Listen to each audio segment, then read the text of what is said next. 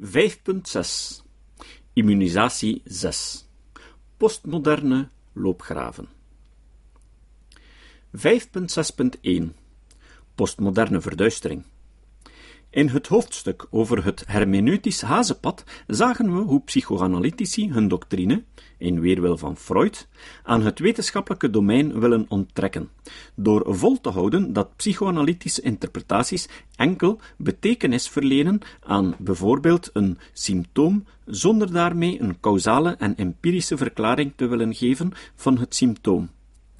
Daar waar de hermeneuten zich dus empirische waarheidsaanspraken ontzeggen, zullen hun postmoderne collega's eerder proberen de noties van waarheid en realiteit zelf onschadelijk te maken. Het zij door ze als irrelevant, onbereikbaar of onbestaande af te doen, het zij door ze zodanig te herdefiniëren dat ze voor de psychoanalytische praktijk ongevaarlijk worden. Zoals we echter zullen zien, is het onderscheid tussen beide immunisatiestrategieën niet altijd duidelijk, en is de impasse waarin de postmodernen verzeilen, hoe dan ook gelijkaardig aan die van de hermeneutici. Wat ik in dit werk onder de noemer postmoderne loopgraven heb verzameld, is niet zozeer een coherente of welomlijnde positie, maar eerder een bepaalde richting die door sommige psychoanalytici wordt ingeslagen. Mijn bedoeling in dit hoofdstuk is dus niet zozeer de verschillende postmoderne uitvalswegen in detail te analyseren, maar eerder aan te tonen dat ze een louter immuniserende functie vervullen en dat ze verder geen serieuze intellectuele positie definiëren.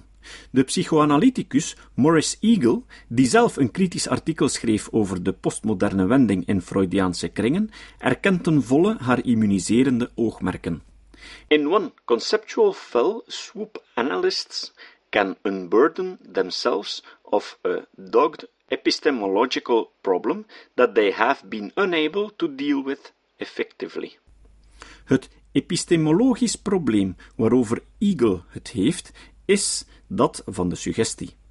Zoals we zagen, heeft Adolf Grünbaum overtuigend betoogd dat psychoanalytische interpretaties op basis van zogezegde vrije associatie fundamenteel door suggestie gecontamineerd zijn.